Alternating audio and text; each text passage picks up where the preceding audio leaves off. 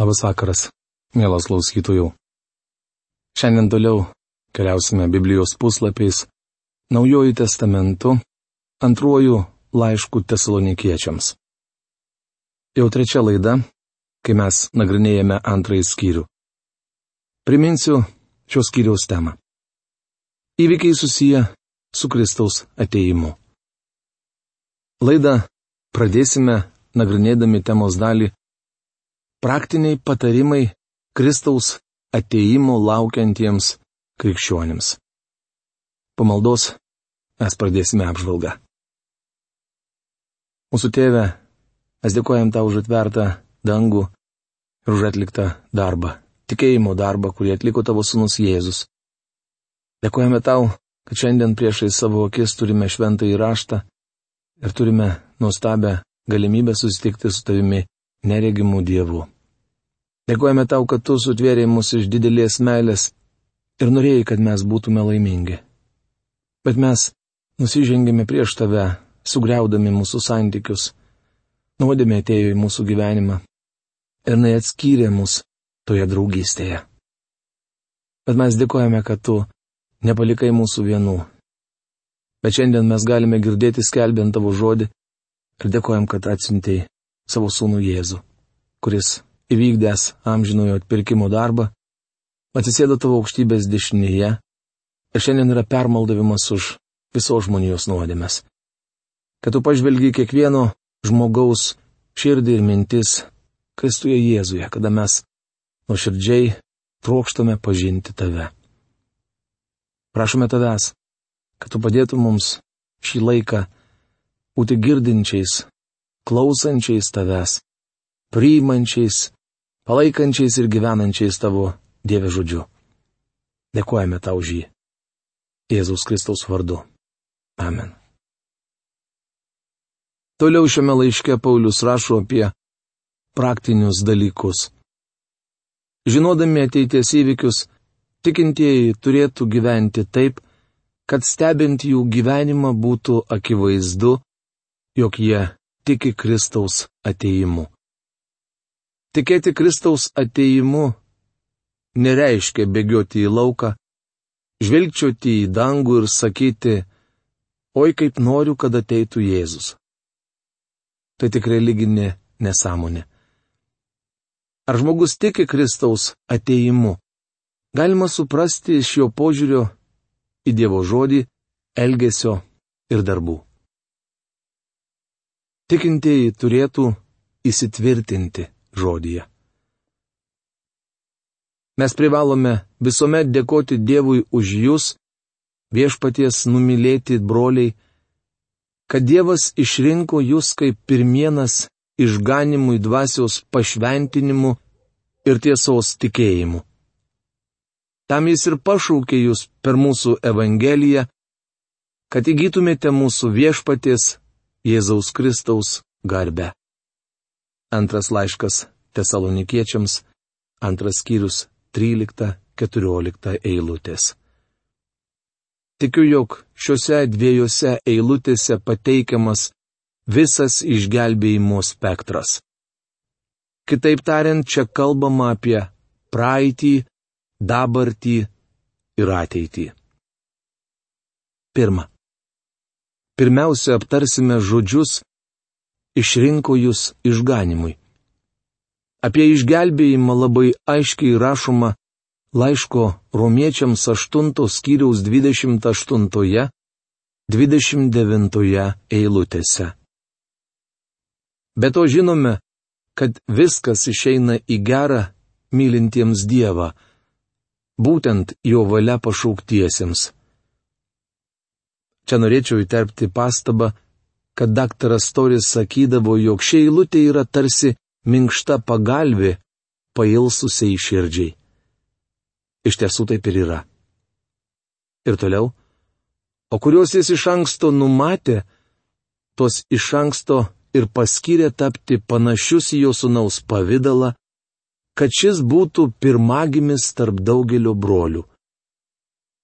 Kuriuos jis iš anksto paskyrė, tos ir pašaukė. Kuriuos pašaukė, tos ir nuteisino. Kuriuos nuteisino, tuos ir išaukštino. Tai ką dėl viso šito pasakysime? Jei Dievas už mus, tai kasgi prieš mus? Apie tai apaštalas Paulius rašo ir antrame laiške tesalonikiečiams.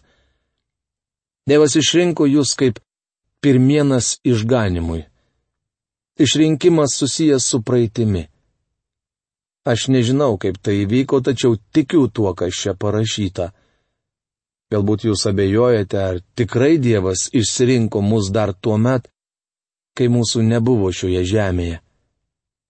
Sperdžianas sakydavo, džiaugiuosi, kad Dievas išsirinko mane dar prieš man gimstant į žemę, nes jei jis būtų palaukęs, kol gimsiu, niekuomet nebūtų manęs išsirinkęs. Mėly bičiuliai, patikėdami Kristumi jūs Dievo nenustebinsite. Tačiau yra ir kita medalio pusė. Evangelijos pagal Joną 7 skyriaus 37 eilutėje užrašyti viešpaties žodžiai Jei kas trokšta, te ateina pas mane ir tegu geria. Tai nuoširdus, aiškus pasiūlymas, kuriuo grindžiamas išgelbėjimas. Tie, kas trokšta, yra išrinktieji. O tie, kas netrokšta, yra neišrinkti. Žmonės neteina ne dėl to, kad nėra išrinkti. Jie neteina dėl to, kad netrokšta. Kitaip tariant, nemano, kad jiems reikalingas gelbėtojas. Jei trokštate, tuomet ateikite pas Kristų. Antra. Dvasios pašventinimu. Žodžiai išrinko jūs išganimui kalba apie praeitį, o frazė dvasios pašventinimu susijusi su dabartimi.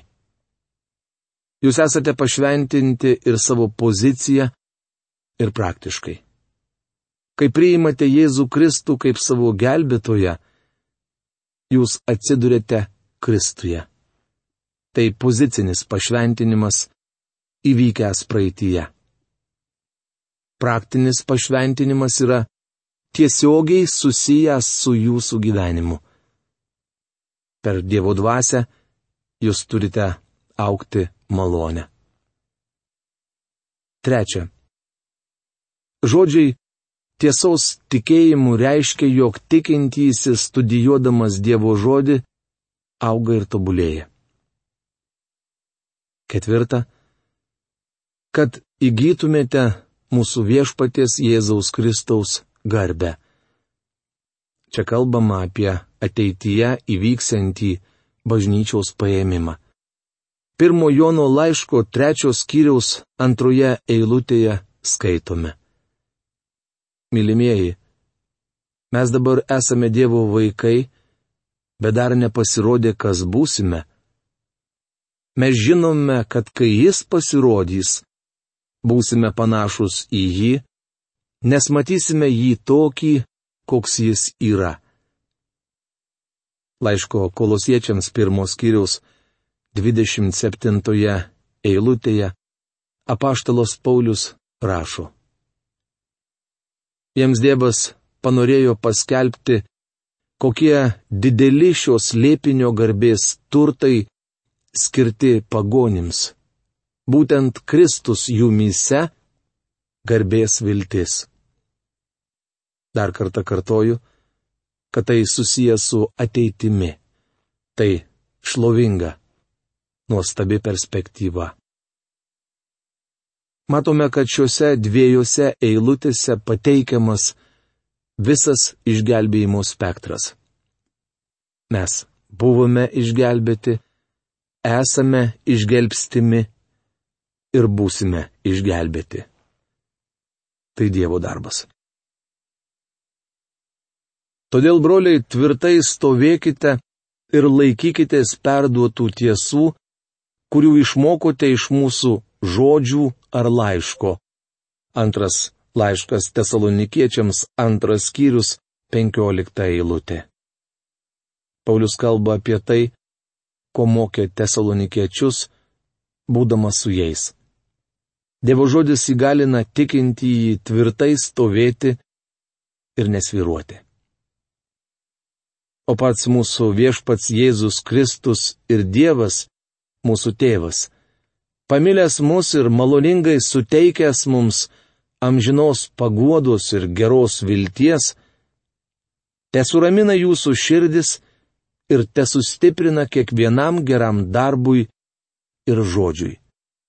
Antras laiškas tesalonikiečiams antras skyrius 16-17 eilutis. Viešpats Jėzus Kristus per savo žodį suteikia mūsų širdims paguodą ir nusiraminimą. Jis sustiprins mus kiekvienam geram darbui ir žodžiui. Dievo žodžio nagrinėjimas paskatins imtis viešpaties darbo. Apaštalas Paulius rašo, kad Dievo žodis ne tik mus nuramins, bet ir sutvirtins. Žodis te sustiprina reiškia, jog mes turime įsišaknyti ir įsitvirtinti Dievo žodyje taip, kad mūsų nenuneštų bet koks mokymo vėjas. Mūsų mintys ir širdys turi būti nukreiptos į Kristų. Tai padės mums susilaikyti nuo troškimo įgyvendinti visus savo kaprizus ar skaityti kiekvieną naujai išleistą knygą. Trumpalaikiai Biblijos studijų kursai sustiprina mus tik akimirkai, tačiau įsitvirtinti tikėjime įmanoma tik pastoviai studijuojant Dievo žodį. Dievo žodis paragins jūs imtis Dievo darbo. Trečiame šio laiško skyriuje apaštalas Paulius rašo, kad tikintieji turėtų tinkamai elgtis. Mielas bičiuli, jei nestudijuojate Dievo žodžio, geriau nekalbėkite apie tai, kad laukiate viešpaties ateimo. Tokiu atveju jūsų tikėjimas nepasireiškia gyvenime ir neparagina imtis darbo. Jei tikrai tikite, kad Kristus ateis, tuomet plušėsite dėl jo, nes vieną dieną jūs turėsite prieš jį atsiskaityti. Jis gali sugrįžti jau rytoj, todėl šiandien pats laikas, ką nors dėl jo nuveikti. Laukdami jo mes neturėtume stovėti prispaudę nosijas prie lango arba nuolat žvelgti į dangų. Užuot tai darę, turėtume žvelgti aplink save ir dirbti viešpaties darbą. Tai didžiausias įrodymas, kad tikime jo ateimu. Antras laiškas tesalonikiečiams, trečias, paskutinysis skyrius. Tema - praktiniai patarimai Kristaus ateimo laukiantiems krikščionims. Kaip prisimenate, šio laiško antras skyrius pasibaigė išvada, jog tikintieji turėtų įsitvirtinti Dievo žodyje. Paulius kalbėjo apie tai, kad Dievas godžia mūsų širdis ir sustiprina mus kiekvienam geram darbui ir žodžiui. Tai susiję su ištikimybė viešpačiu Jėzui Kristui. Antros kiriaus 13-14 eilutėse Paulius pabrėžė, jog mes esame išrinkti. Jis rašo. Dievas išrinko jūs kaip pirmienas išganimui dvasiaus pašventinimu. Dievas mus pašaukė, kad įgytume mūsų viešpatės Jėzaus Kristaus garbę. Šie nuostabų žodžiai mane žavi ir jaudina. Šio laiško trečiame skyriuje paštalas teigia, kad mes, kaip tikintieji, turime tam tikrų atsakomybių. Laiško Efeziečiams ketvirtos skyriaus pirmoje eilutėje Paulius rašė. Raginu jūs elgtis, kaip dera jūsų pašaukimui, į kurį esate pašaukti. Ta pati Paulius sako ir Tesalonikos tikintiesiems. Tikintieji turėtų įsitvirtinti savo elgesiu.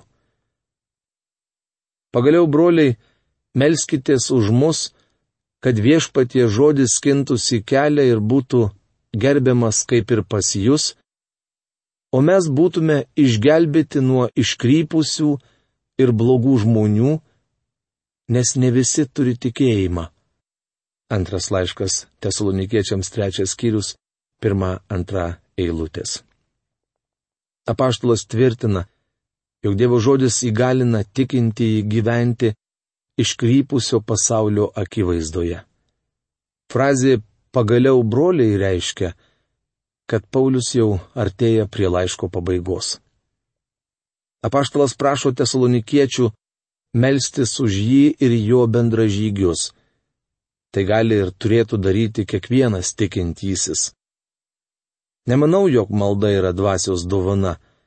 Jei norime, kad darbas pasisektų, už jį reikia melstis. Kiekvienas sėkmingas evangelistas, pamokslininkas ir Dievo žodžio mokytojas turi žmonių, kurie už jį meldžiasi. Paulius prašo tesalonikiečių melstis, kad viešpatie žodis skintųsi kelią. Kaip žinote, apaštalo Pauliaus tarnavimas buvo unikalus. Jis buvo misionierius arba kitaip tariant, evangelistas, pastorius ir Dievo žodžio mokytojas. Būdamas Tesalonikoje jis atliko visas šias tarnystės. Paulius atvedė tesalonikiečius pas viešpatį ir mokė juos. O rašydamas laiškus rūpinosi kaip pastorius. Apaštalas Tesalonikos tikinčiuosius ne tik mokė Dievo žodžio, bet ir stengiasi paguosti bei jiems patarti. Paulius tiesiog reikalauja, kad tesalonikiečiai melstusi už jį. Melskitės už mus, kad viešpatė žodis skintųsi kelią ir būtų gerbiamas kaip ir pas jūs. Šiandieną nereikia melstis už Paulių, tačiau galite melstis už mane. Būčiau dėkingas už jūsų maldas, kad mano skelbiamas viešpatie žodis skintųsi kelią ir būtų gerbiamas. Melskitės, kad žmonės savo gyvenimais aukštintų Dievo žodį. Mane neramina ir jaudina, kai matau, jog netgi tie, kurie sakosi tiki Dievo žodžiu, skiria jam tiek mažai dėmesio. Melskitės, kad tie žmonės skaitytų jį ir sužinotų, apie ką jis kalba. Mielas bičiuli, noriu paraginti jūs melstis už savo pastorių. Jums leidus norėčiau šitą labai atsargiai pasakyti. Aš žinau, kad daug lengviau būti konferencijas rengiančių Biblijos mokytojų, nei tarnauti pastoriumi. Ant pastoriaus pečių gula visa atsakomybė, o be to Atvirai kalbant, jis susiduria su daugeliu neprotingų žmonių. Paulius prašo melstis, kad būtų išgelbėtas nuo iškrypusių ir blogų žmonių. Ar žinote, kad bažnyčioje yra blogų žmonių? Pastorius turi būti nuo jų apsaugotas. Evangelisto tarnavimas panašus į akušerio darbą. Jis padeda mažam kūdikėliui ateiti į pasaulį ir žinoma tai labai svarbu. Vėliau akušeris perduoda mažylį pediatrui. Pediatras pasirūpina, kad jis būtų teisingai maitinamas, tinkamai atsirūktų, būtų paskiepytas ir taip toliau. Pastoriaus tarnystę galima palyginti su pediatro darbu. Jam tenka turėti reikalų su priekabiais šventaisiais ir kūdikiais Kristuje. Tai sunkus darbas, todėl užjaučiu pastorius.